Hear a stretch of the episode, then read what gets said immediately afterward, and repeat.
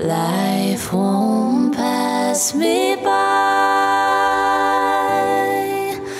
Life won't pass me by.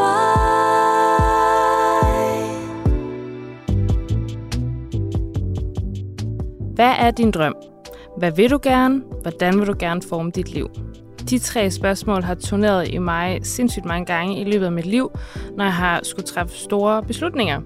Det kan være beslutninger om studie, jobs, breakups og børn. Øhm, hvornår er det mest snedigt at få de her børn? Hvordan vil jeg gerne have dem, og hvem vil jeg gerne have dem med? Forskellen på alle de her ting er bare, at indtil nu så har det været muligt for mig at sædle om, fortryde, skifte retning, gøre noget andet. Men det kan jeg ikke lige nu, fordi jeg er gravid. og midt i den her lykkeros over at være det, der er der en bekymring. Fordi jeg ved ikke, hvilken indflydelse en barsel og et barn kommer til at have på mit liv og på min karriere. Det arbejde, som, øh, som har været med til at forme det liv, jeg har skabt for mig selv, og det liv, jeg gerne vil leve. Øh, jeg kan ikke skifte retning nu. Det vil jeg heller ikke, fordi jeg brygger på et ønskebarn, så spørgsmålet bliver i stedet for, hvordan jeg kombinerer bis og baby. Og de her tanker, de kommer og går, og lige nu, der sidder jeg over for dig, Pernille Skipper. Ja. Velkommen til Bis og Baby, Tak. og velkommen til dig, der lytter med. Jeg hedder Natasja Holsbylov. Og hvis du gerne vil have en lille påmindelse, når der kommer en ny episode, så kan du trykke følg på Bis og Baby i din podcast-app. Så får du sådan en lille påmindelse, når vi lægger en ny episode op. Men Pernille, du er tidligere politisk leder for Enhedslisten. Mm-hmm. I dag der laver du bestyrelsesarbejde. Du Mhm. mm-hmm. skriver for Altinget og for Politikken. Du er også ved at skrive en bog. Mm-hmm. Og så har du to børn. Mhm. Mm-hmm. En på fem år og en på halvandet. Og jeg har glædet mig sindssygt meget til at tale med dig, fordi jeg ved, at du har stået i og ligesom har oplevet det her med, når to livsstrømme på en eller anden måde krydser hinanden. Ja. Så hvad tænker du om alle de her spørgsmål, der bare flyver rundt ind i mit hoved i ny og næ? og meget i øjeblikket. Jeg tænker først og fremmest, ej, dem kender jeg godt. Øhm, og så tænker jeg, at, øh, at de er rigtige.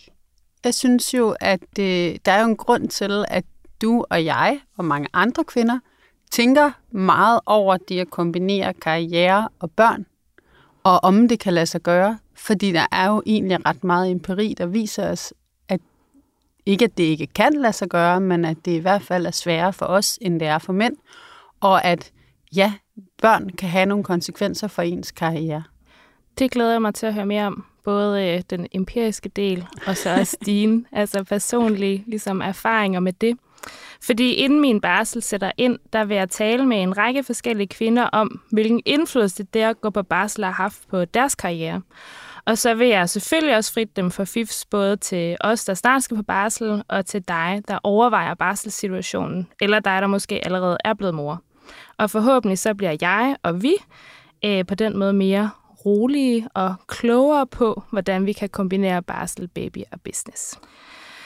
Men inden en barsel, så er der jo tanker, forestiller jeg mig, det har der været hos mig i hvert fald, om graviditet i det hele taget. Og øh, altså, jeg har altid vidst, at jeg gerne ville være mor. Øh, jeg troede, jeg skulle være det tidligere. Jeg er 33 og første gang gravid, og jeg havde sådan en forestilling om, at, at jeg måske skulle have børn allerede altså i starten af mine 20'er faktisk, mm. ud fra sådan devisen om, at det gjorde min mor, og, og der var nogle ting der, ikke? Og sådan blev det ikke, og det er også helt okay. Men, øh, men hvad med dig, Pernille? Har du altid godt vidst, du gerne vil have børn? Nej, Nej. jeg troede helt sikkert, at jeg skulle være sådan en af dem, der ikke fik børn. Mm. Jeg var, øh, jeg var helt overbevist om, at det skulle jeg ikke. Og faktisk, da jeg mødte min mand, der sagde jeg det også til ham, du skal være kæreste med mig, jeg vil ikke have nogen børn. Ja. Øh, og det er noget af det mest fantastiske, han nogensinde har sagt til mig, det var, at han sagde, okay, Miriam, jeg vil gerne have børn, men jeg vil hellere have dig. Det er jo, altså, wow, ikke? Stor Det er, lige, ho- det er total Hollywood, altså lige til Hollywood. Og så ville jeg selvfølgelig gerne have børn, da han sagde det. øhm, så, øh, så mit første barn var lidt et uheld, faktisk. Ja. Altså ikke i den forstand, at det kan man jo vælge også selv, når at øh, uheldet er ude i, i dag, men, øh, men det var det. Så det kom, hun kom, mens jeg var politisk ordfører for Enhedslisten. Mit andet barn, øh, det var meget mere kalkuleret, fordi der var jeg godt klar over, hvor stor en ting det egentlig er. Så, øh, så hende ventede vi med meget præcist til, at jeg var færdig som politisk ordfører for Enhedslisten. Og så havde jeg lidt mere rum og tid. Okay, så der kunne I time det lidt Vi bedre. time det meget bedre anden gang, og det hjalp ligesom Ja. på hele, på hele processen. Fordi netop det der med timing, det er jo noget, som... Altså som... Fordi en ting er jo, altså inden graviditeten, det at vide, vil man være mor, eller har man ikke lyst til at, at være mor. Noget andet er så, synes jeg i hvert fald, når barnet så ligger og summer derinde i maven, så, så er ligesom en realitet jo på en anden måde, som man skal til at tage stilling til. Mm. Øh, og jeg, øh, altså nogen vil sige, at jeg måske også har kunne time det ret fint, fordi at jeg har været i fertilitetsbehandling med en, med en donor, jeg er solomor. Øh, men i virkeligheden så oplever jeg bare, at den der timing, det kan man bare ikke rigtig alligevel. Eller, altså sådan, det er lidt relativt med den timing der, synes jeg. Ikke? Altså sådan, hvordan, mm, hvordan er det før og efter? Ja, og så kan du jo alligevel heller ikke, for så sker det jo ikke lige der, og så sker der lige noget andet. Og så øh, virkede det ikke lige første gang, så gør det anden gang, og så, så, og så kommer der et jobtilbud, sådan væltende ind oveni, eller, altså jeg, vores liv er jo ikke så nemt at time, og jeg tror, det at få et barn er jo en ret stor praktisk omvæltning. Jeg synes tit, vi taler om den emotionelle omvæltning, og det er slet ikke fordi, det vil jeg ikke negligere, det er, det er stort at blive en mor, og det synes de fleste, eller far for den sags skyld, at det der med at blive forældre, det er en kæmpe emotionel ting. Det er jo også bare en kæmpe praktisk ting. Altså lige pludselig er der et andet menneske, hvis øh, liv er afhængig af dig, øh, og du kan ikke bare øh, lige flytte til Horsens, hvis der er et eller andet, der viser sig, eller lige tage det her møde, eller bare lige blive en time længere, for så lukker institutionen. Så det har jo nogle praktiske implikationer, som man ikke sådan, så man kan ikke lige planlægge det. Og det samme med det der med at blive gravid. Nogen, jeg har da veninder, som har altså ligget ned, fra de var tre måneder henne, og har ikke rejst sig før efter fødslen nærmest på grund af bækkenbundsløsninger, eller kvalme, eller altså alt muligt. Øh, og jeg selv, altså jeg oksede rundt og kunne løbe og alt muligt ind til sådan få måneder før, gravid, eller før fødslen. Så, og det kan du jo heller ikke forudse. Men tror du egentlig, at det er en af grundene til, at det går altså lidt mere, eller at en barsel går jo ud over os i en eller anden grad, altså Mm. mm. også økonomisk, og øhm, altså har det, også, har det også noget at sige? Jeg tror det, altså vi ved jo, nu snakker vi empiri, at altså, hvert barn koster cirka 10% af kvinders livsindkomst, statistisk set. Øh, mænd 0, at det påvirker ikke deres livsindkomst at få børn. Øh, og noget af det har jo sikkert noget at gøre med, at vi er væk i en periode.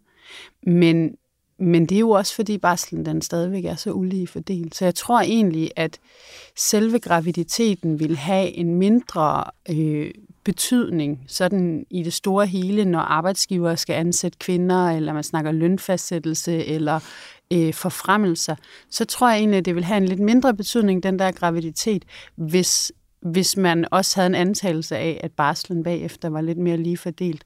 Og så igen, at opgaverne forbundet med børnene, øh, i takt med, at de bliver ældre, og man er over barselstiden, at de måske også bliver fordelt lidt mere ligeligt. Fordi der ved vi også, at selvom vi lever i 2023, så er det langt hovedparten af de der opgaver, der er forbundet med hjem og børn, det, det er nogle kvinderne tager sig af. Mm.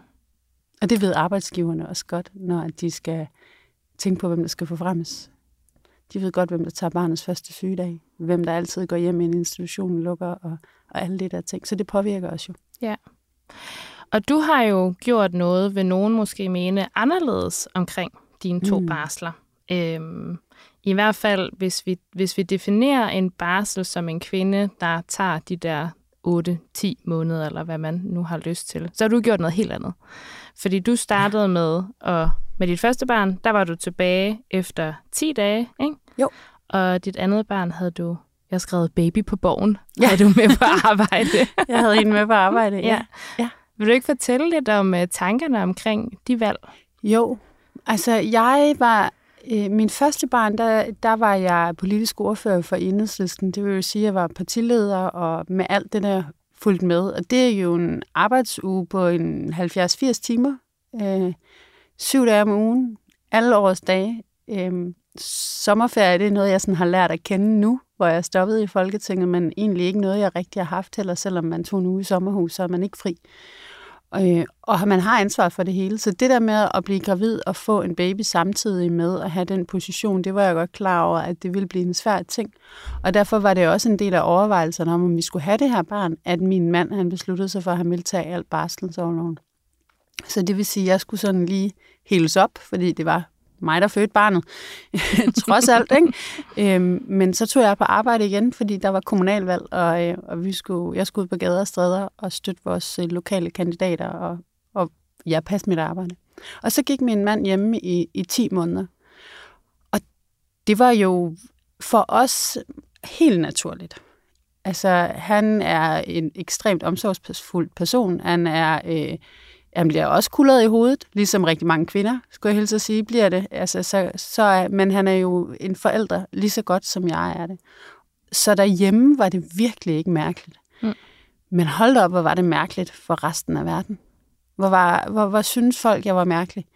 Øh, enten fordi, at jeg var en ja, mest af alt fordi jeg var en dårlig mor, eller øh, altså alle sådan nogle lidt mystiske idéer. Blev du konfronteret med sådan nogle udtalelser? Meget, ja. Især på sociale medier selvfølgelig, hvor folk holdt ud strakt arm og ikke behøver at kigge mig i øjnene. Men, men jo også, at øh, folk, jeg mødte, stillede, no, stillede nogle øh, man kan sige, lidt nærgående spørgsmål nogle gange, som også kunne bære lidt præg af, at de havde en holdning til, hvad det var, vi havde, vi havde gang i hjemme hos mig. Altså på den ene side, så er det noget som, at folk kunne finde på at spørge mig, Gud, hvad gør I så med mad? Altså man har jo lyst til at svare dem sådan, ja, nå, kan babyer ikke spise ostepops, eller hvad? Altså, gud, det skulle jeg da have tænkt over, før jeg tog på arbejde i morges, var. Uh, altså, hun var sjov nok på flaske, skal mm. I se, ikke? Øh, og helt velernæret, sund, ikke? Altså, øhm, men også sådan nogle ting som, øhm, nå, men øh, er du så ikke bekymret for øh, hendes øh, tryghed eller øh, tilknytning eller andet? Altså sådan nogle spørgsmål, hvor at dem vil man jo aldrig nogensinde stille en mand, der tog tilbage på arbejde efter de 14 dage, som de fleste mænd er hjemme til at starte med. Øh, der er jo ikke nogen, der spørger dem, om de er bekymret for tilknytningen eller trygheden hos barnet. Mm. Og det var jeg jo ikke, fordi hun var jo hjemme hos sin far, som lå med hende øh, i bar overkrop og hud mod hud og alle de der ting. Og han har også været til alle kurserne, og hvorfor skulle han være dårligere til det end mig? Men det er der sådan en antagelse af.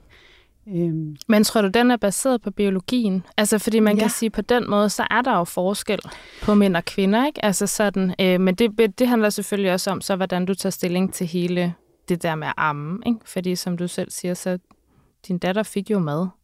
Ja, og det var ikke ostepops. Nej. Nej. det var så begyndt på nu. Det var virkelig glad for. Det er også lækkert.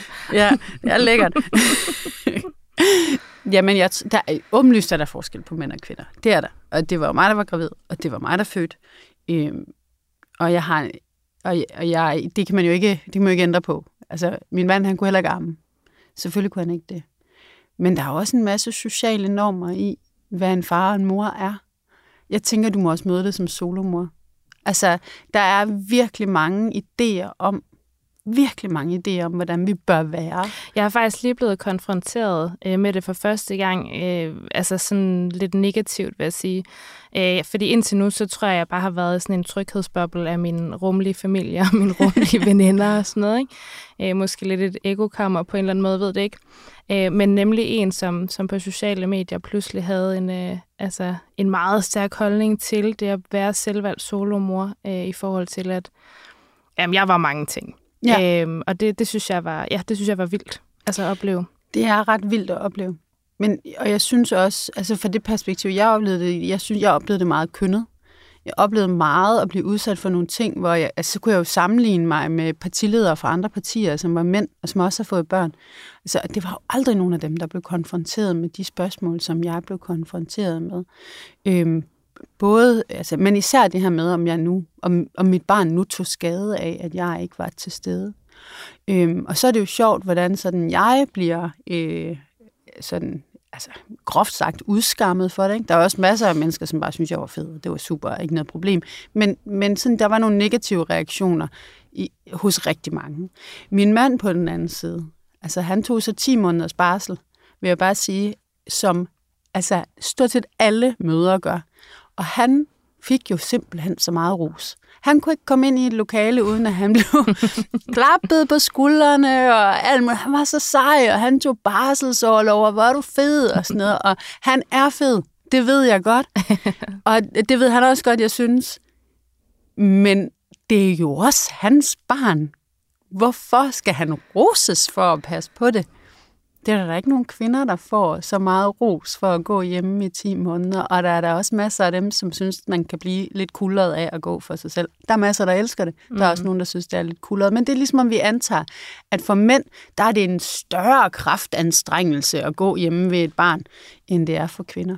Og det ligger lidt mere i kvinders natur. Og det synes jeg er ærgerligt for både moderrollen, men også for faderrollen. Fordi det, under, det er altså også en lille smule at underminere, hvor, hvor vigtige og hvor gode fædre kan være. Okay, ja.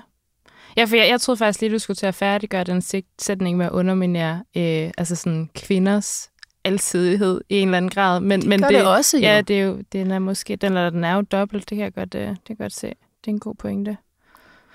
Du fortalte mig på et tidspunkt, for vi har talt telefon sammen en enkelt gang, mm. øh, Mhm. inden vi mødtes her. Og der sagde du også til mig, at det skabte også altså måske lidt forvirring inde i dig at blive konfronteret med, med de her ting, eller sådan. Ja. Jeg tror, ja, det gør det. Det er helt sikkert. Jeg bliver da virkelig bekymret for det. En gang imellem, så fik jeg da sådan nogen, hvor man blev nødt til at sætte mig ned i længere tid og tænke, om jeg virkelig var en dårlig mor. Altså, var det helt galt, det jeg havde gang i. Øhm, anden gang, der øh, fik min barn nummer to, der øh, var jeg meget mere sådan bevidst om, hvad jeg gerne ville, og hvordan jeg havde det med mig selv, og besluttede mig for, at hun skulle med på arbejde. Og det er jeg godt klar over, det kan man ikke, hvis man er lastbilchauffør eller øh, kassemedarbejder, men det kunne jeg. Øhm, og derfor havde jeg det også, altså havde det godt med den beslutning, men alligevel, fordi der var så mange, der havde så meget stærke holdninger til, om det var godt eller skidt for mit barn, så fik jeg også sådan nogle øh, øjeblikke, hvor jeg blev nød, altså hvor jeg, hvor jeg blev i tvivl om, om jeg overhovedet var indrettet til det her. Mm. Og jeg tror, der er så mange idéer om, hvad der er rigtigt og forkert som mor og som kvinde, at det, at det er noget, vi ret tit oplever alle sammen faktisk. Fordi der er så meget pres på, så mange holdninger. Øh, har du gjort nok for at etablere amning, før du opgiver det? Øh, øh, ligger de nu nok på maven? Øh, altså, hvornår skal du starte med skemaet? Øh, har du dem tæt nok på? Har du nok hud mod hud? Øh, må de sove i deres barnevogn så længe, eller er det bedre, hvis de også sover lidt i? Og hvor lang tid må de ligge i den der gynge slynge halløj, vi sætter op under loftet, der mm. vugger dem? Så mange spørgsmål, som hele tiden er tusind forskellige holdninger til, og som peger ind imod, om vi er gode nok som mødre. Og det er, det er en hård ting at skulle gå og overveje hele tiden for os alle sammen. Ja, altså jeg havde faktisk et mindre breakdown nede i Ønskebørn for ikke så lang tid siden, fordi jeg nemlig også bare følte, at jeg skulle bare have en barnevogn. Ja. Og så var der bare tre forskellige ekspedienter, der havde tre forskellige holdninger til, altså du ved, og ja, det var faktisk forfærdeligt, men altså jeg fik købt Men det er heller ikke okay på en eller anden måde, vel? Jeg vil ønske, man kunne få, altså ligesom bare var sådan en standardiseret model for det hele, for der er så mange beslutninger, og de bliver gjort til sådan nogle store ting. Altså også af producenterne af barnevogne, ikke? Altså alle de ting, de der ekspedienter sikkert kunne fortælle dig om, hvad det betød for barnets nakke og alt Præcis. muligt andet, ikke? Ja, ja, ja, nemlig. Nemlig. Og lige pludselig så tror du, du står med din babys liv i hænderne, hvis du vælger den forkerte barnevogn. Ja, det er det. Men hvordan fungerede det så? Fordi anden gang, du var på barsel, var du så tilbage, Mm. eller havde du, havde du hende med? Ja, Øh, og hvordan, hvordan var det egentlig, altså at tage sit barn med på arbejde på den måde? Jamen, det var faktisk helt fint. Øhm, hun er født i starten af august, så jeg holdt lidt længere sommerferie. Og, øh, og så tog jeg hende med der, da hun var en måneds tid gammel. Så kom hun op i bæreselen og med ind på Christiansborg. Øhm, og det er jo, altså sådan en lille, dem, dem, der har prøvet at have sådan en lille en, ved jo, at det, de har mest brug for, og det, som jeg havde rigtig meget brug for som mor der, det er jo at have dem, hende tæt på mig. Så hun lå på min arm øh, igennem møder og forhandlinger, og ja, hun lå på min arm, mens vi forhandlede øh, barsel. øh, Det er et godt kort at have. ja, men hun var... Øh, hun har, det er faktisk så lettet det lidt stemningen, altså tit på sådan nogle møder, fordi det er jo svært at blive rigtig sur på et forhandlingsmøde, når der ligger sådan en lille, helt vild nuttet klump dej der og siger øh, små pluderlyde. Ikke? Så det var faktisk, øh, det var utroligt positivt, alle de steder, jeg var henne, øh, som ikke var offentligheden. Altså alt det der, sådan det helt praktiske med at løse mine opgaver, gå på arbejde, det var super fint. Mm. Øhm, og søde øh, kollegaer og medarbejdere, som synes, det var hyggeligt. Og øh, en gruppeformand i Enhedslisten, han er ligesom, han er sådan lidt, tror bedsteforældres skruk, så han stjal hende, lige snart jeg kom ind ad døren, så skulle han sidde med hende, og det var, øh, det var rigtig fint. Men så kom der hele, sådan en helt shitstorm fra Ekstrabladet og alle mulige andre, som så... Ja, fordi der sker jo det, at Pia Kærsgaard beder dig om at forlade Folketingssalen Ja. en dag, ikke? Mm. Og det sætter ligesom gang i, en stor debat, øh, og især Ekstrabladet ja. er ligesom ude med riven, om man vil.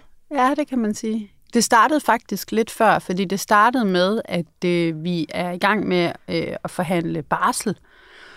Og øh, den her, eller også træder den i kraft måske faktisk. Eller er blevet færdig. Jeg tror, vi er blevet færdige med aftalen, må det være. Så Ekstrabladet har besluttet sig for at ligesom dykke ned i de der lukrative politikerordninger, og de er vældig lukrative, så det, det er der god grund til, at der er nogen, der lige dykker ned i en gang imellem og ser på, hvor gode politikere er egentlig til at lave regler for sig selv. Og så ringer de rundt til øh, mig og øh, Peter Hummelgaard og øh, øh, Nikolaj Vammen og andre og spørger sådan, Nå, men har du selv ligesom den her, udnyttet den her lukrative øh, barselsordning, hvor man kan gå på barsel et helt år til fuld løn? Og øh, det kunne jeg jo så sige, det havde jeg ikke, fordi jeg havde ikke taget barselsårlov. Så det havde jeg ikke. Øh, og så var de sådan, nå, nå, det var egentlig lidt meningen med historien, og de lavede så historien om nogle af de andre politikere, hvordan de var nogle hyggelere, fordi at de havde udnyttet den her lukrative barselsordning. Men så fandt de på en anden idé, det var, at de ville udstille mig for at være en hyggelig, fordi at jeg jo bad mænd om at tage barselsårlov, men ikke selv tog barselsårlov. Mm. Og det mente de så var en hyggelig. Altså jeg prøvede ligesom at forklare dem, at det var jo altså fordelingen sådan på et overordnet plan, vi havde behov for at skubbe til. Og nu var jeg jo faktisk heller ikke en mand, så det var lidt svært at kalde mig ud for at være hyggelig for at ville have mænd til at tage mere barsel. Øhm, men det kom jeg på forsiden for. Så kom jeg på forsiden efterfølgende for, fordi at de mente, at at jeg ikke passede mit arbejde godt nok, når jeg så havde barnet med på arbejde. Og så var jeg ligesom fanget i den her sådan fælde af, at, øh, at det var lidt lige meget, hvad jeg gjorde. Så var, det, så var det bare ikke helt rigtigt eller helt godt nok. Og så kom Pia Kærsgaard Folketingssalen oveni os. Mm. Så min datter Charlie, hun var på forsiden af Ekstrabladet fire gange, inden hun blev tre måneder. Ja, det er jo de færreste, der, kan- der kan Ja, der det bliver en det. rigtig god konfirmationshistorie. ja. Og det, det, det i sig selv var egentlig okay. Lige indtil, at øh, der var en, der skrev på Twitter, at øh, det var noget, at jeg havde taget hende med i Folketingssalen, fordi jeg gerne ville have, jeg havde udnyttet mit barn til at få 15 minutters berømmelse. Er det rigtigt? Ja. Det kunne jeg forestille mig var meget ubehageligt at få, altså for den, den Ja. smidt i hovedet. Der blev jeg faktisk, jeg begyndte faktisk at græde. Den der sådan anklagen om, at jeg udnyttede mit barn, fordi jeg bare gerne ville have noget opmærksomhed, det Mm. var, det var faktisk lige dråben på bæret der. Men tror du, mm, fordi jeg har, jeg har prøvet sådan at læse lidt op også på Ekstrabladets, øh, altså deres skildring af det, for jeg synes faktisk, det var meget, altså det er jo egentlig meget interessant, hvordan jeg i hvert fald oplever, at de undlader mange af de nuancer, du prøver at komme frem med, eller mm. sådan. Men tror du, det har noget at gøre med, at når man ligesom prøver at rykke ved en eller anden norm, eller sådan et eller andet, så synes jeg nogle gange, at folk kan have en tendens til at gå lidt i stampe, eller sådan, det kan være vildt svært at få folk sådan med på den, eller altså sådan, kan du føle mig, at sådan, det er som om, nogen har en tendens til ligesom at blive, og ikke sådan rykke med og frem i bussen, eller prøve Ja. at forstå, eller altså sådan, Altså lige præcis med Ekstrabladet, tror jeg bare har noget med forarvelsesjournalistik at gøre. Det er ligesom det, de lever af at til, lave aviser på, og det kan nuancer nogle gange ødelægge en lille smule. altså, så det er der ikke så mange penge i, i, i nuancer. Men jeg tror også, når det handler om sådan noget med moderskab og kvinder, karriere og børn, altså vi har så mange holdninger, så mange følelser til, hvordan andre bør gøre det. Muligvis fordi vi også selv går og føler os lidt pres over, at vi ikke lever op til alle de normer. At så er det bare, så er det bare god grundlag for sådan noget forarvelsesjournalistik. Mm. Altså så kan man virkelig få gang i folks øh, følelser. Og for mig har at se, tror jeg, det har noget at gøre med, at vi stadigvæk virkelig tænker sådan kernefamilien som noget nærmest helligt og gudsbenået. Øh, fordi jeg kan jo se, at det er både, når sådan en som jeg tager mit barn med på arbejde, men det er jo også solomøder som dig, som bliver beskyldt for øh, ikke at passe ordentligt på børnene, fordi nu kan de pludselig ikke leve uden en far. Ikke? Altså når det er mit vedkommende, så kan de ikke leve uden moren, og det er dig, så kan de ikke leve uden far. Og... Men det er også regnbuefamilier. Altså når tre mennesker beslutter sig for at få et barn sammen, for eksempel et lesbisk par og deres gode ven, mm. altså så skal de også høre om alt muligt om, hvordan de ødelægger deres børn. Ikke? Og jeg, jeg tror, vi bliver nødt til at tænke, at børn og familie, det er bare noget andet, end det var for 30-40 år siden. Og de der kasser er for snævre. Og, og det, er ikke det, det er ikke det, man får glade børn ud af. Nej. At de har far, mor, børn og et parcelhus. Men hvordan kan det egentlig være, at du, altså er de ændret på formen? For man kan sige, at fem år tidligere, der havde din mand så taget, taget barslen, og nu valgte de så, at du skulle tage barnet med på, på Jamen, Christiansborg eller med ja, på hvorfor arbejde. ændrede vi på formlen? Jamen, det var fordi, han ikke gad at tage alle barselsårloven. Mm. Så vi delte den 50-50, og så besluttede jeg mig for, at jamen, min halvdel, den ville jeg tage hende med på arbejde. Så det første halve år havde jeg hende med på arbejde, og så gik han på barsel det andet halve år. Eller fem måneder, ikke? Havde han hende så også med på arbejde egentlig? Nej. Eller? Nej, han var hjemme. Nej, han var hjemme.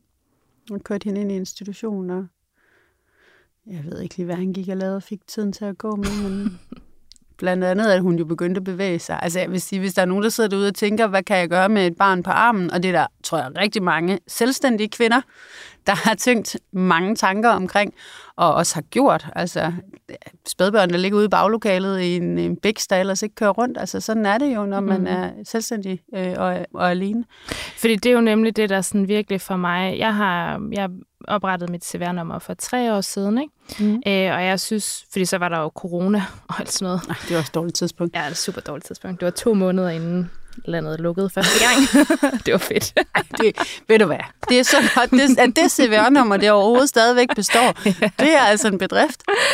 Men det, der jo så sker, det er bare, at på den måde, så er det jo de sidste to år, eller sådan, der har været sådan ægte, ægte mm. forretning, kan man sige. Ikke? Og, og især de sidste år har jeg virkelig følt et momentum, som jeg jo er vildt bange for at forlade.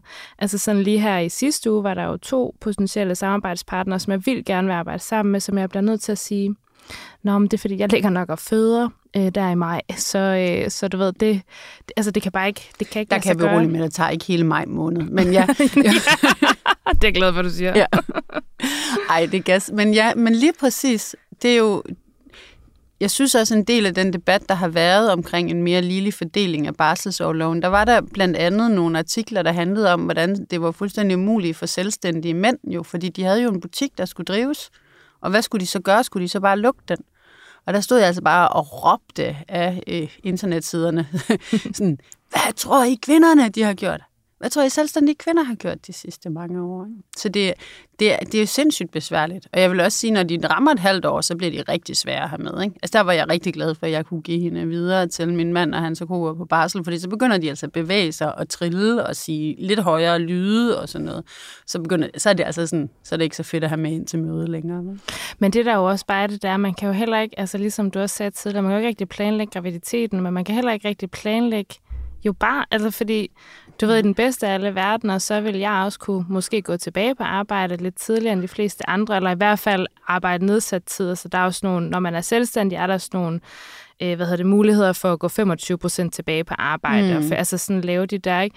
Men hvis nu det er et kolikbarn, eller, altså på den måde, så er der jo bare, du ja. ved, nogle andre ting, der på en eller anden måde træder i kraft, som jeg ikke er herre over. Eller, altså sådan, det er også derfor, at jeg bliver, jeg føler jo, at jeg er, altså, det er alt andet lige federe at sige til folk, jeg bliver nødt til at sige nej til en start, for jeg ved faktisk ikke, hvordan det her det kommer til at være. Og så ringe dem op og sige, åh, oh, jeg Ja. kan godt, eller du ved ikke. Men jo. det er mere den der sådan utjekkethed, eller følelsen af utjekkethed ind i, ligesom at, og ikke at kunne være der hele tiden, eller ikke at kunne, som du også sagde det der med, jeg kan måske ikke blive en time ekstra, eller jeg kan ikke, altså alle de der ting, ikke? Hvordan jo. bliver det?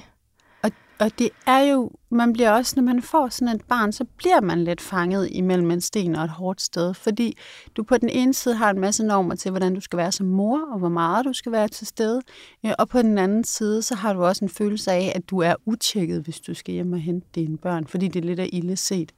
Øhm, eller at du ikke kan sige ja til den her opgave på forhånd, eller den glider lidt, eller et eller andet. ikke? Det er, det, det er virkelig sådan, det er nogle modsatrettede forventninger, man lever under, og de, de kan være rigtig hårde for rigtig mange af os. Og jeg tror, den eneste måde rigtig at komme ud af det på, det er ved, altså for det første at tale højt om det, og så kommer du igennem det, og så bliver de lidt større. Men det er også på sådan et lidt mere overordnet samfundsplan, at vi bliver nødt til at blive bedre til øh, at respektere, når folk skal hjem til deres børn. Vi bliver nødt til at blive bedre til at respektere, når mænd skal hjem til deres børn, så de også kan gøre det lidt en gang imellem. Øhm, og, øh, og vi bliver også øh, ja, øh, nødt til at respektere, at man også godt må have det sjovt på arbejde, og man bliver ikke en dårlig mor af det. Ja. Altså fordi, jeg antager, at du synes, dit arbejde er sjovt. Det er jo det. Det er jo det, jeg gør. jeg kan jo vildt godt lide mit arbejde, og det er jo det, jeg i mange år ligesom har sat i centrum for meget andet.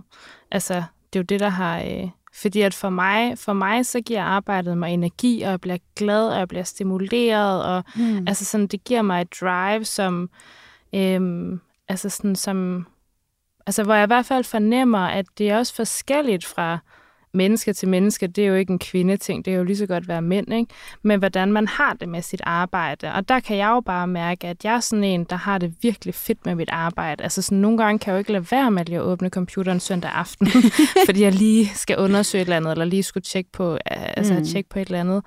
Øh, så på den måde, så er det jo, ja, så er det jo også, du ved, det gør mig helt vildt glad. Så du ved, det at få Så et derfor barn bliver du også på- nervøs for, altså, at du mister det, ikke? Jo, præcis, det er Jo. det. Det er det, jeg gør. Jeg ville ønske, at jeg kunne sige til dig, sådan, det skal nok gå, Natasha, men altså, der er jo der er jo også en grund til, at kvinder er mere nervøse for deres karriere, end mænd er, når at vi får børn. Altså, fordi der er bare... En, del, en større del af ansvaret kommer på kvinder, både i form af graviditet og fødsel, men jo også efterfølgende. Ikke? Og, øh, så det har jo betydning.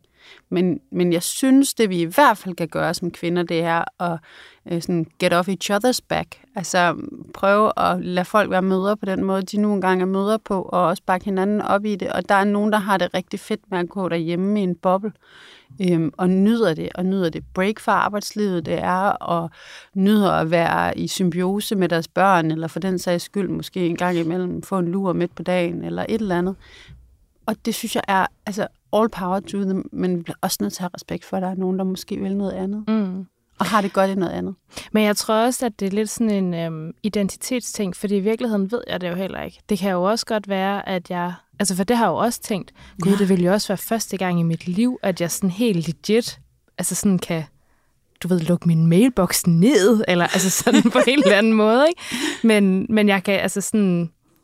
Jeg er helt, helt stresset over, hvad jeg skal for de der fire uger til, at- altså fordi jeg, jeg har sådan tænkt, Men jeg lukker ned fire uger før. til det. Jamen det, ja, det kan godt være. Til at, ja. Men de fire uger før, ja, det var det værste for mig også faktisk. Men Det dem tog jeg. du også fire uger før? Nej, Nej. nej, jeg gik faktisk i fødsel under et møde. Det Så det skal vi slet ikke snakke om. Jo, det vil jeg gerne høre lidt om, tror jeg. det har jeg aldrig fortalt til nogen, fordi det bliver, folk synes jeg er så mærkeligt. Altså, et uh, politisk møde, eller...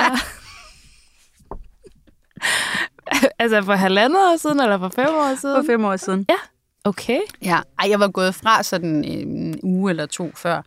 Og så, øh, så skulle jeg lige have et møde med, øh, med Nikolaj Willumsen, som var, øh, som var fungerende politisk ordfører, mens, mens jeg var væk. Øhm, og, og så det var heldigt, det var ikke sådan, jeg sad ikke over for en minister eller et eller andet. men, men Nikolaj Willumsen der, og så øh, øh, en af vores medarbejdere, vi sidder og holder sådan et møde om aftenen. Og så fordi der er nogen, der har sagt til mig i fødselsforberedelsen, det kan godt være, de også har sagt det til dig, så har de sagt, jamen, fordi man går og tænker, hvad er en V, når man ikke har prøvet det før? Hvordan filan føles det? Det har man ingen idé om. Du har kun set det på, på film, og der skriger folk altid sådan sindssygt ind i Ja. kameraet, når de får en V, ikke? Og så skal man bare sådan helt vildt hurtigt på hospitalet. Men så siger de til mig, hvis, altså, hvis det er en V, så er du ikke i tvivl. Og det vil jeg bare sige, det er løgn. Okay. Det kan, Det man noteret. sagtens, det kan man sagtens være i tvivl om. Så jeg troede, det var øh, såkaldte plukvejer jo, ikke? Ja. Øh, så jeg har sådan, det siger jeg så til min mand. Jeg har sådan lidt, synes, jeg har sådan lidt, åh, der er lidt i maven. Og så siger, så siger han, nå, men de sagde jo, at hvis det var ved, så var du ikke i tvivl. Nå ja, det er også mm. rigtigt. Nå, men så tager jeg til møde og sådan noget. Og så kører jeg afsted og til vandløse og sådan noget. Og så sidder jeg der, og så, og så sidder vi og holder en møde. Og så begynder vores, øh, Linda, vores medarbejder, så begynder hun sådan at sidde øh, og at tage tid på, uden at sige det til mig, at mine, mine små sådan, Okay, Linda, hun lyder gavet. Ja, hun er sej. Hun er rigtig sej. Hun er rigtig sej. Hun reddede mange ting for mig igennem tiden. Og så siger hun så på et tidspunkt, ved du hvad, jeg synes, det begynder at være meget regelmæssigt, at du får de der såkaldte plukke og vanille. Og så var jeg sådan, nej, ja, okay, det går, vi skal til at runde af. og så gik der fem timer efter det, og så havde jeg en baby. Men altså, det der, det er jo det levende bevis på, at du kan rigtig meget frem mod din fødsel, hvis du ikke er selvfølgelig ramt af Ja. altså, alt, alt muligt. Man Mange jo kan, ikke? Altså, ja, jeg har mange. været velsignet med virkelig sådan i går så en nemme graviditet. Jeg hader at være gravid, men, men jeg kan da helt klart se, at så, så er der nogle andre. Så har en svigerinde, som bare har ligget med bækkenbundsløsning to gange og kigget ind i væggen ja. i fire måneder, før hun kunne endelig føde, ikke? Men apropos det, skal vi lige hurtigt tale om det, for jeg synes altså heller ikke, det er særlig fedt at være gravid. Altså, det er fint nok, du ved, det er jo sådan, det er, og jeg, ja. Jeg skal have en lille dreng, og han skal selvfølgelig have lov til at låne, du ved, det er min krop, Han skal nu have det plads, han har brug for. Ja, ja, det Ja. er fint. Men uh, hvor jeg glæder mig altså også til, at, øh, at det er min, altså min krop igen. Ja, det kan jeg virkelig godt forstå. Men man kan sige, i virkeligheden så det her med at, med at tale om tiden inden barsel og tiden på barsel, blander sig jo en lille smule sammen for dit vedkommende. Kan, kan, man, kan man sige det? Ja. Øhm, men hvad, øhm, hvad er det, altså... Det er fordi, jeg har sådan tænkt over det der med, hvordan man egentlig definerer en barsel. Det er jo egentlig sådan et sjovt begreb, fordi vi har tillagt det nogle Mm. bestemte værdier, eller et bestemt sådan normsæt, eller regelsæt, eller jeg ved snart ikke rigtigt, hvad vi skal kalde det. Men hvad er det for dig? Altså, hvad, hvad er det vigtigste på barslen egentlig? Altså, jeg tror, jeg, fordi jeg jo ikke officielt har været på barsel, så er barsel for mig jo den der første tid, hvor de er helt nye og krøllede som små rosiner. Og, øh, og især, øh, når man ikke har prøvet det før, altså at være helt vildt nysgerrig for, hvad er det her for lige pludselig for et menneske, der er dumpet ind i ens liv. Så det der med at være, altså, synes, det er spændende nærmest alt, hvad de gør, selvom de ikke gør særlig meget. øhm, og så er der en bestemt duft hjemme, i hvert fald hos os, når der lige er kommet en ny baby. En helt bestemt duft, som skaber ro. Nå, Der er sådan ro. Og det er jo noget vrøvl, især når man har to børn, en på tre et halvt og en helt nyfødt. Der var overhovedet ikke ro, men det føltes meget roligt, fordi det der lille bitte væsen er så nyt. Jeg ved ikke, det er, nu, nu lyder det nærmest sådan helt overnaturligt. Det, det er det ikke, men jeg, det, jeg synes, det er en meget rolig og fredfyldt tid, fordi det der lille bitte menneske, du kan ikke kaste rundt med alting, og du kan ikke løbe alle mulige steder, og de bestemmer farten. Og øh, hvis de skal spise, eller skide, eller gylp, eller, så er det bare det, de skal. Og så er det lige meget, hvem der venter i den anden ende, og det giver en helt særlig ro i et hjem. Og føler du, at den ro var sådan en ro, du havde i og med, at du altså havde den der lidt forlængede sommerferie for eksempel, og, eller, sådan, eller kunne du godt, Nej, kunne du jeg godt havde have den, også, Jeg havde den også første gang, hvor jeg ikke havde nogen forlænget sommerferie eller noget. Der var det bare tilbage på arbejde efter 10 dage, men der var roligt hjemme ved os.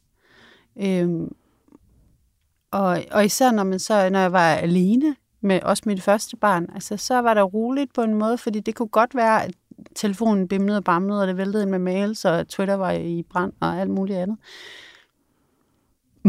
Men hvis hun skulle gylpe, så kunne jeg jo ikke... Altså, hvis hun skulle have mad, så var det jo det, vi skulle. Så, så, så fordi de bestemmer på en eller anden særlig måde, så bestemmer de også tempoet. Og så kan man godt være, have dem med på arbejde og alt muligt andet, men det er ikke særlig meget anderledes at have, med dem, have dem med på arbejde, end det er at have dem derhjemme på den måde, at, at det er jo dem, der bestemmer tempoet. Men det er sjovt, du siger det, fordi at en af de ting, som jeg også har tænkt meget over, hvis jeg skulle ligesom kombinere, øh, altså, eller ikke kombinere, altså, hvordan skal jeg sige det, hvis jeg, hvis jeg skulle tage min baby med på kontoret, ikke? Mm. Øhm, eller arbejde hjemmefra en periode med baby, det er ligegyldigt. Men det har været meget sådan en følelse af, eller jeg, vil, jeg er nervøs for, at jeg så vil føle mig utilstrækkelig begge steder. Altså du ved, at Ja. jeg både vil føle, at jeg var utilstrækkelig over for barnet, men også over for mit arbejde. Men når du så siger sådan der, så lyder det lidt som om, at man finder en send frem, eller altså at bål og brand på arbejde er noget andet, eller hvordan har du oplevet det? Jamen, jeg tror, jeg tror, det er en rigtig valid bekymring. Det har jeg sikkert også haft nogle gange. Altså den der følelse af, at det er vildt ubelejligt, at du skal græde lige nu. Ikke? Mm. Fordi nu står vi lige her midt i noget. Øhm, og, og også den anden vej rundt. Ikke? Men, men man bliver nødt til, hvis man, tror jeg, hvis man skal have barnet med på arbejde, så også at være enig med sig selv og måske lige lave en aftale med det lille menneske, når det kommer ud og siger sådan, skal vi ikke være enige om, at når du har et behov, så siger du til, og så er det dig først. Det bliver nødt til at være, det bliver nødt til at være sådan. Altså fordi, sådan er det at have en lille baby. Men jeg vil så også sige, at jeg har kun oplevet, altså udover på sociale medier og ekstrabladet, så har jeg kun oplevet mennesker i mit arbejdsliv, som bare synes, at det var, øh, at det var fint. Og som slet ikke har synes, at det har været den der frygt, man kan have for, at hvis nu jeg skal ud og skifte en baby, nu kigger de så alle sammen helt vildt skævt til mig eller et eller andet. Det gør folk ikke. Folk, de er mest sådan, no, bolo, bolo, bolo. og synes, det er hyggeligt. Det er jo hyggeligt, når der er babyer. Babyer er hyggelige. Så, så det tror jeg ikke, man skal være så nervøs for. Nej. Det er i hvert fald min oplevelse, at omgivelserne faktisk synes, det er rigtig fint.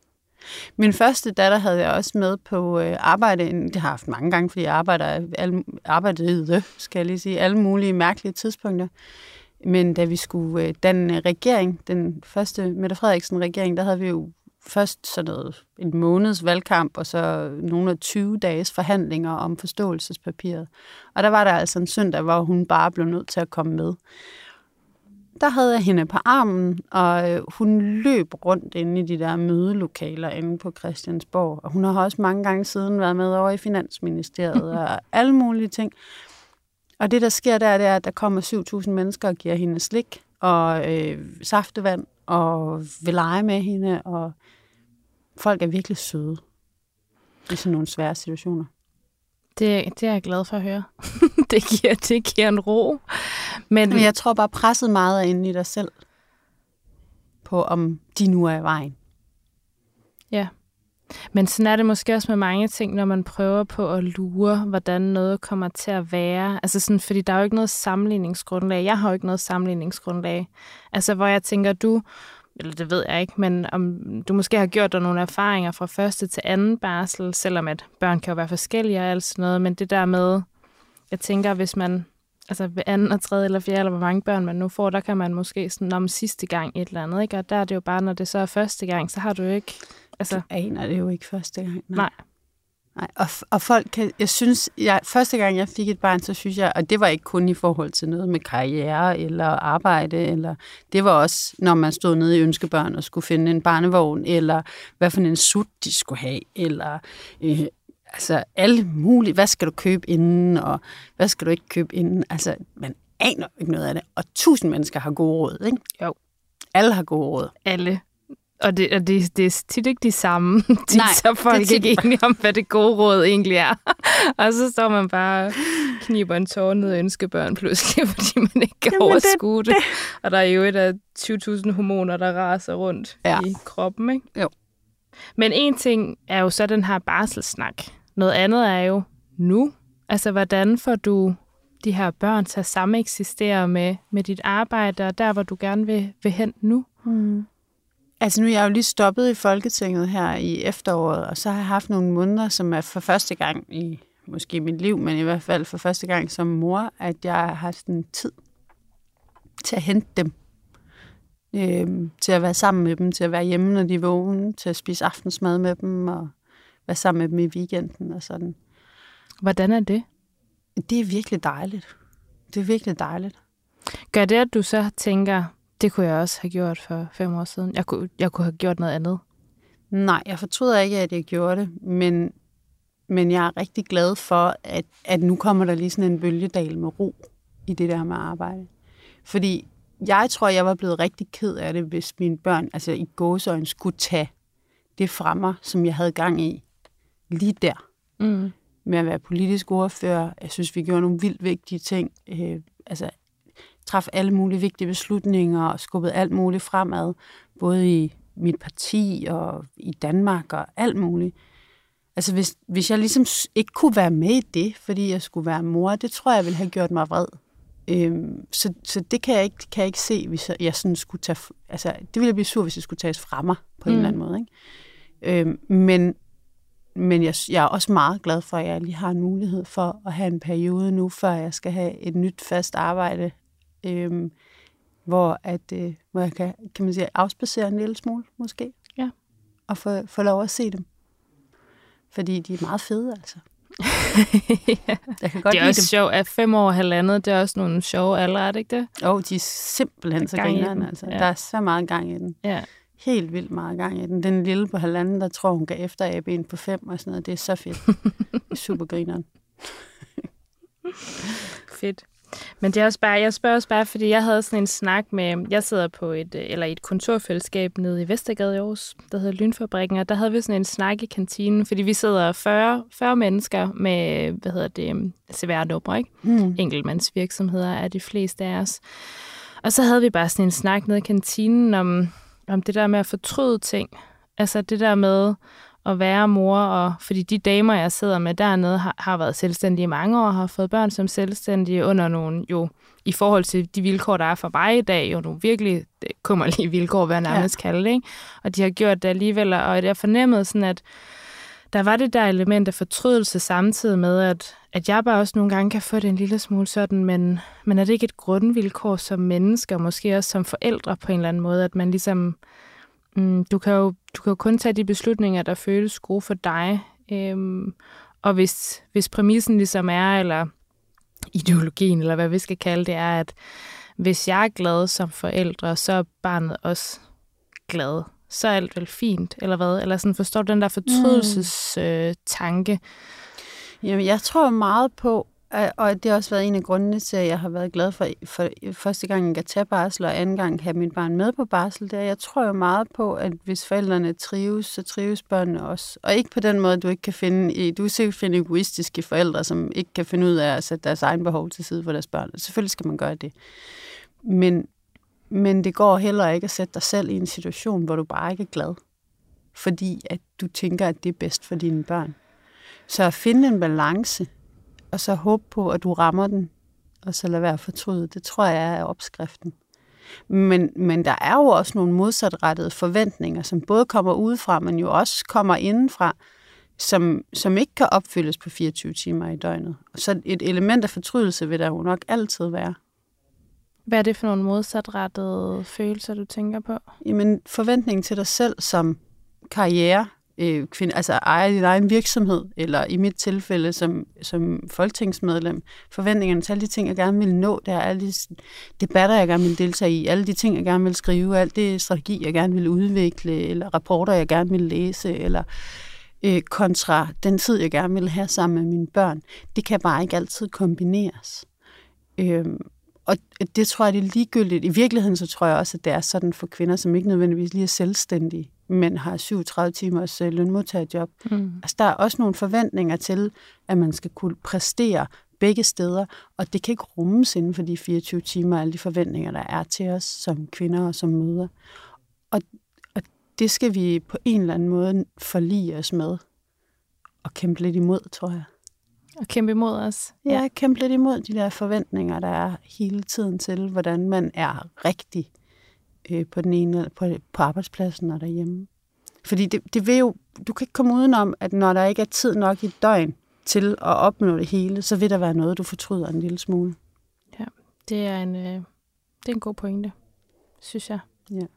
Men altså, lad være med at, lad være med at fortryde de store ting. Lad være med at gå glip af, hvad ved jeg, ikke, Lucia-optoget, eller skolehjemsamtalen, eller sådan noget, ikke?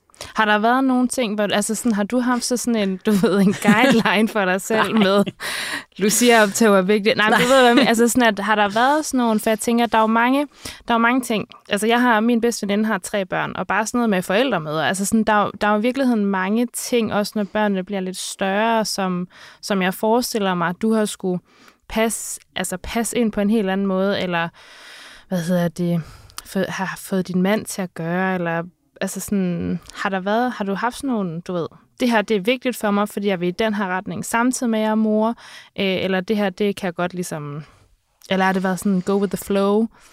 Altså, jeg har for eksempel haft altid, så der har været helt klart en periode, hvor det ikke kunne lade sig gøre, men ellers så har jeg altid haft øh, to dage om ugen i min kalender, hvor det var mig, der skulle hente. Og så kørte jeg klokken 3. Så satte jeg mig til arbejde igen, når hun sov om aftenen. Så satte jeg mig der klokken 8 til 24 igen. Men de der to dage om ugen, der var jeg der. Og de to dage om ugen, den brugte jeg heller ikke på at gøre rent, eller på at lave aftensmad, eller øh, så spiste vi bare, altså, så fik vi pastaskruer uden noget til, eller et eller andet, ikke? Eller, men det, det, den tid, den skulle jeg bruge på, så vidt muligt, ligesom at sidde nede på gulvet sammen med hende.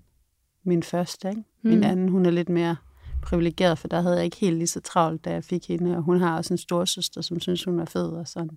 Men, øh, men det der med så at være der, når man er der, ikke? Og være i øjenhøjde. Men jeg synes, at jeg synes, det er svært. Men det er det ikke kun, hvis man har karriere.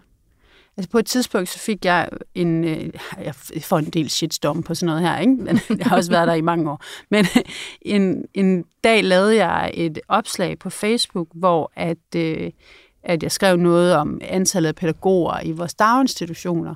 Og så skrev jeg sådan en, i virkeligheden en bisætning, skrev jeg sådan, så alle dem, som ligesom mig, måske ikke har mere end en halv time i øjenhøjde med ens barn i løbet af en dag, kan være sikker på, at, og så talte jeg om vigtigheden af, af kvalitet og tid i daginstitutioner.